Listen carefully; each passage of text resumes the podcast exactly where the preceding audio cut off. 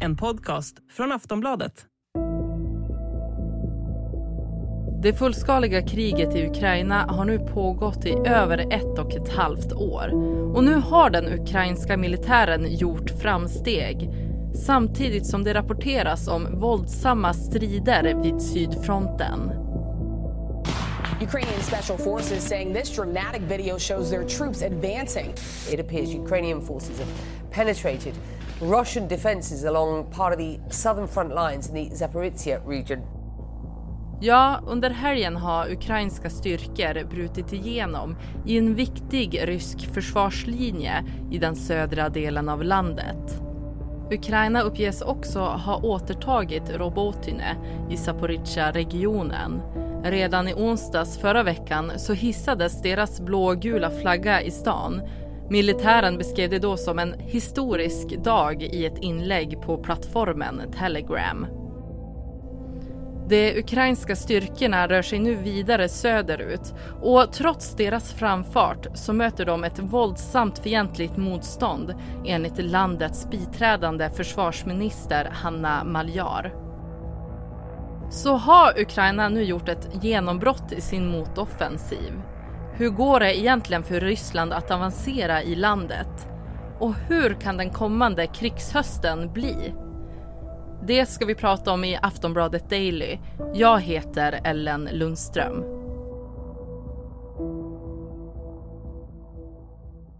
Gäst är Peter Lidén, överstelöjtnant och militär lärare på Försvarshögskolan. Peter, hur går det för Ukraina? För det verkar som att de har haft mycket framgångar nu under de senaste dagarna. Ja, precis. Och brittiske försvarschefen amiralen Radakin har ju varit inne på under en ganska lång tid eh, någon typ av övergripande beskrivning av ukrainska strategin som Starve, Stretch, Strike. Och jag tror att det där har man ju inte gjort eh, sekventiellt ett steg i taget från Ukrainas sida utan parallellt. Så att man har sträckt ut de, de ryska förbanden på ett antal olika ställen istället för att bara kraftsamla från Ukrainas sida på ett ställe så att ryssarna också kan kraftsamla där. Eh, så på det viset har man sträckt ut dem. Eh, man har slagit mot logistik och annat så att, att de har så att säga, fått sämre och sämre förutsättningar att skjuta mycket och att försvara sig bra. Och man har också slagit nu, dels geografiskt gått framåt på fem olika ställen kan man säga. Eh, men också att man har slagit mot eh, stabsplatser och förband eh, med de medel man nu har för det. Då. Så jag tror att ja, man har haft taktiska framgångar på marken i Ukraina och man har också brutit sig ut ju från Odessa med blockadbrytare fartyg då alltså. Med olika lastmetall till Afrika bland annat. Man har fått ut spannmål från sina hamnar i Donau genom att smita genom bland annat Rumäniens farvatten. Eh, man har genomfört drönaranfall mot Krim men också mot Ryssland och så. Så att det kanske viktigaste nu är nog kanske inte de fysiska framstegen geografiskt i Ukraina utan utsikterna till fortsatt och bättre stöd ifrån, ifrån väst då. Eh, militärt och civilt, men också då att eh, ska vi säga, stimulera sprickbildningen i den ryska stats och militärledningen, vilket man också har lyckats med på sistone. För det känns ju som att vi ofta har pratat om eh, den ukrainska motoffensiven, men kan man säga att det här är ett genombrott för dem? Ja, på något vis, om man nu inte bara ser offensiven helt strikt geografiskt, så är det så. Eh, ser man den geografiskt så har man gjort framsteg, det har man, men fortfarande är ju det här Eh, små byar, små steg på vägen mot någonting som förhoppningsvis blir större och går snabbare efterhand. Eh, så ser man det på, på utzoomad eh, världsatlaskarta så är det ju nästan ingenting som har rört sig på rätt länge. Zoomar man in väldigt mycket på det taktiska så är det väldigt intensivt och minsann man, man rycker framåt flera meter. Men jag tror inte att man ska låsa sig vid det geografiskt utan offensiven förs ju också på andra sätt. Då. Ukraina uppges ha återtagit Ropotyne i regionen Zaporizjzja. Vad innebär det för dem? Ja, Ukraina har förberett och försökt avancera mot eh, Robotyne sedan i juni egentligen eftersom det är en av de ska säga, första stegen på vägen ner mot Melitopol som är den uppenbara eh, eh, riktningen för en offensiv från Ukrainas sida. Och det i sin tur innebär att ryssarna har ju befäst sig väldigt starkt längs den vägen ner mot Melitopol. Eh, men efter Robotine så kommer ju då, om man följer vägen söderut, eh, Novoprokopivka och sen Kabalka och sen ännu fler byar innan Tokmak. Så det innebär mycket rent symboliskt men, men fortsatt det, det är inget jättelångt framsteg rent geografiskt sett. Men de fortsätter nu att sikta in sig söderut? Ja, man vill ju fram till Tokmak och kanske går man runt nästa by som är ganska kraftfullt befäst, Novoprokopivka. Då. Eh, men, men det är Tokmak som är egentligen anhalten på vägen ner mot Melitopol. Eh, sen om man går runt städerna eller, eller går igenom dem då, Tokmak och neråt, det, det får vi se då. Landets biträdande försvarsminister sa under måndagsmorgonen att deras militär också har tagit sig fram söder om Bachmut. Men hur går det egentligen då för den ryska militären att avancera i Ukraina just nu? Ja, sammanfattningsvis kan man säga att det går dåligt för den ryska militären. Alltså ryssarna har ju håsat upp någon typ av eh, motoffensiv mot Kupiansk. Och det har de gjort i uppåt två månader nu. Det skulle komma 100 000 man, 900 stridsfordon, 300 stridsvagnar och allt vad man sa här i, i somras. Eh, men det har ju uteblivit mycket av det här, både avseende insatsen på hur mycket resurser de sätter in eh, och framförallt avseende resultaten för ryssarna. Eh, och jämför man det med vad ukrainarna har åstadkommit eh, vid Bachmut, men kanske framförallt i syd, eh, så, så har ryssarna egentligen inte kommit någonstans alls. Eh, men de har inte släppt det här och nu talar man allt mer om att de faktiskt ska försöka ge sig på någonting mot Kupiansk och Lyman med ungefär de numerärer som, som nämndes nyss. Eh, och om anledningen till det då är att distrahera och avleda generalen Syrski som är den ukrainska generalen som håller på att försöka befria Bachmut. Eller om man faktiskt tror sig kunna slå sig framåt mot och hota Charkiv igen. Eh, det vet vi ju inte men förutsättningarna ser inte jättebra ut om vi ska se på hur det har gått för dem hittills i, emot eh, Kupiansk. Och hur skulle du säga att striderna är vid sydfronten? Det, det, är ju tufft där också. Generalen Syrski som sagt eh, som är den ukrainska chefen på östfronten då lyfter ju fram då eh, där han går framåt i Bachmut och uppe vid Kupiansk som Eh, en möjlig rysk offensiv. Eh, men i syd så är det då Syrskis före detta stabschef Tarnavski som, som är chef. Och han tar sig fram egentligen på tre ställen borta vid Dniprofloden. Eh, på ett par tre ställen har man gått över floden, inte med något tyngre system än så länge och alltså ingen större möjlighet att komma längre än så kanske just nu då. Eh, men också sen ner mot Melitopol som vi var inne på då. Eh, och lite mer sydostvart mot eh, Mariupol längs vägen. Där har man inte kommit lika långt eh, men eh, alla de tre ställena egentligen är eh, potentiella ställen för en, en ukrainsk offensiv efterhand. Hur har Ukraina påverkats av det som hände med Wagnergruppens ledare Prigozjin? Det ska vi prata om när Aftonbladet Daily är tillbaka.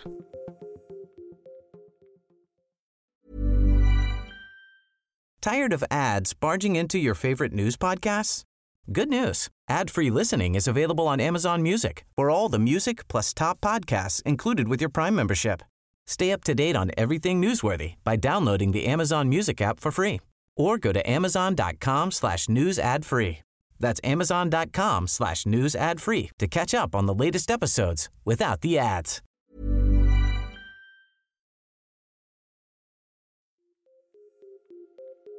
President Zelensky sa under en intervju på söndagen att det internationella stödet som Ukraina får i kriget skulle upphöra om man gav sig på territorium inne i Ryssland. Men hur går det ihop med de attackerna som har skett på rysk mark, Peter? Ja, det är en bra fråga det där och jag, jag reagerar själv på det när han sa det här i, igår och i söndags. Man har ju hittills haft som, eh, ska vi säga, någon typ av röd linje från ukrainsk sida att inte använda västsystem när man slår mot mål inne i Ryssland. Men också propsat på att man givetvis är i sin fulla rätt att slå mot dels militära installationer och flygbaser och eh, örlogsbaser och eh, marinbaser då, på ryskt territorium. Men också faktiskt mot ministerier och annat som i Moskva då. Så att jag, jag tolkar hans uttalande som att man alltså inte med marktrupp kommer att gå in och hota exempelvis i Bilhorod-regionen eh, som ju är gränsnära traktor till Ukraina. Eh, men däremot att man beskjuter militära mål i Ryssland och egentligen också faktiskt om det skulle vara så i Belarus eh, där man ju genomför angrepp mot Ukraina ifrån. Eh, det, det är ju både folkrättsligt och på andra vis oantastligt. Vad skulle det kunna vara för typ av attacker? Eh, det man använt hittills, både mot Moskva då, har ju varit drönare och långräckviddiga drönare som ser ut att man faktiskt har flugit dem från Ukrains territorium. Det man använt mot eh, flygbaser nu senast, eh, en bas i Kursk eh, gångna dygnet bara. Eh, det har ofta då varit med korträckviddiga drönare som måste ha flugits från någon inne i Ryssland. Eh, de når inte att flyga så långt annars. Eh, nu det här vid Kursk vet jag inte vilken typ av drönare som använts ännu. Eh, men det var tydligen en väldigt framgångsrik insats också mot en flygbas. Då. Eh, så att allt det där har hittills gjorts med långräckviddiga drönare eller med sabotagegrupper av ett eller annat slag. Då. Och hur har Ukraina påverkats av allt som hände med Wagnergruppens ledare? Man har väl givetvis noterat det och med, med Eh, någon typ av förnöjsamhet. Men man har också irriterats av att väst ju fäster all uppmärksamhet på det då som ju är eh, en ganska egentligen då kanske marginell sak jämfört med vad som händer i Ukraina. Då.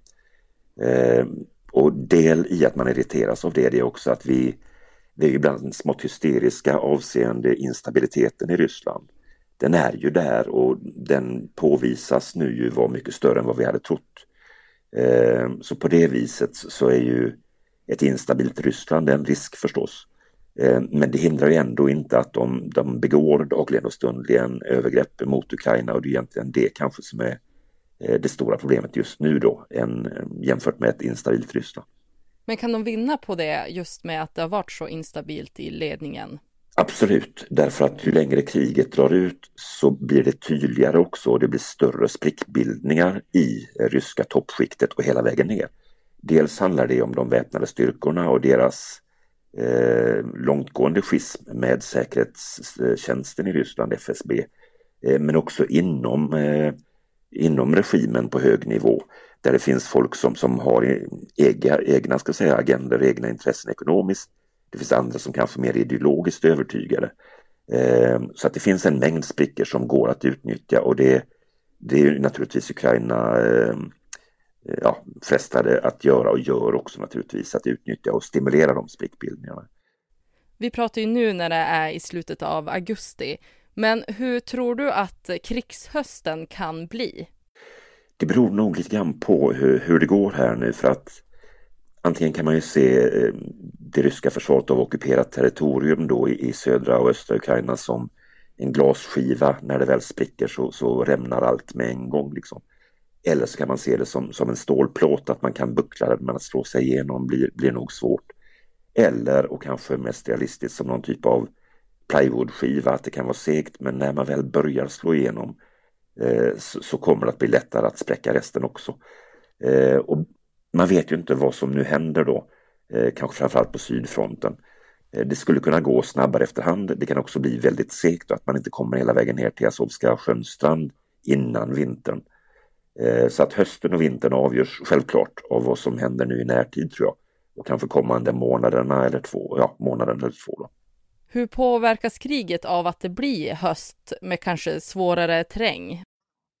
Så blir det när det blir lerigare utanför vägarna så påverkas de militära resurserna. De är ju beroende av eh, att, att kunna gå ut på bredd med stridsfordon, stridsvagnar och annat och det blir mycket svårare när, när det är dålig bärighet, när det är gyttjigt utanför vägarna förstås. Det är också så att logistiken både från rysk och ukrainsk sida är väldigt knuten till väg. Eh, även om stridsfordonen kan röra sig i terrängen så kan inte lastbilarna med, med logistik göra det. Eh, och det är också det som gör att striderna nu står eh, runt vägarna söderut eh, från Ukrainas sida sett. Då. Eh, men sen är det ju också så att samhället i Ukraina påfrestas. vi såg det i gångna vintern och säkert också kommande vinter med eh, utslagning av energi och påfrestningar för befolkningen naturligtvis. Så att kriget påverkas av årstiderna. Sannolikt blir det ju en nedgång i intensiteten rent militärt sett över vintern om inte Ukraina har fått andra och eh, bättre vapen att kunna isolera Krim med. Eller att de har kommit tillräckligt långt ner mot Krim för att kunna med de nu befintliga vapnen isolera Krim, då blir det en mer dynamisk vinter också förstås. Vad verkar vara planen för Ukraina respektive Ryssland just nu? Ja, jag tror att planen för Ukraina är väl sannolikt att försöka ta sig så långt som möjligt naturligtvis söderut eh, så tidigt som möjligt nu i höst. Eh, för Ryssland så handlar det nog om att kunna stå emot det. Ryssland har satt in lite ologiskt militärt sett eh, rätt mycket av sina resurser nu eh, och reserver egentligen också militärt för att hålla den första försvarslinjen. Eh, och det skulle kunna innebära att det är glesare bemannat i de andra linjerna bakom. Det vet vi inte riktigt ännu. Men på motsvarande vis ser man hur ukrainarna nu sätter in reserver och resurser egentligen för att förstärka sina genombrott, bland annat vid Robotjene nu. Eh, och det kan också tyda på att båda sidor satsar ganska hårt på det som händer i närtid nu. Eh, men planen för Ukraina är självklart att befria hela sitt territorium så fort som möjligt. Och det som avgör det, är vilket och vilken typ av stöd och hur snabbt stödet kommer till Ukraina. Eh, för Rysslands del så handlar det nog om att härda ut och hoppas på att nästa års val i USA och annat eh, innebär en förändring, en nedgradering av stödet till Ukraina. Det säger Peter Lidén, överstelöjtnant och militär lärare på Försvarshögskolan. Jag heter Ellen Lundström och du har lyssnat på Aftonbladet Daily. Det här avsnittet spelades in den 28 augusti. Vi hörs snart igen. Flexibility is great. That's why there's yoga. Flexibility for your insurance coverage is great too. That's why there's United Healthcare Insurance Plans. Underwritten by Golden Rule Insurance Company, United Healthcare Insurance Plans offer flexible, budget friendly coverage for medical, vision, dental, and more. One of these plans may be right for you if you're, say, between jobs, coming off your parents' plan, turning a side hustle into a full hustle, or even missed open enrollment. Want more flexibility? Find out more about United Healthcare Insurance Plans at uh1.com. Du har lyssnat på en podcast från Aftonbladet. Ansvarig utgivare är Lena K Samuelsson. Tired of ads barging into your favorite news podcasts? Good news. Ad-free listening is available on Amazon Music. For all the music plus top podcasts included with your Prime membership. Stay up to date on everything newsworthy by downloading the Amazon Music app for free or go to amazon.com slash news ad free. That's amazon.com slash news ad free to catch up on the latest episodes without the ads.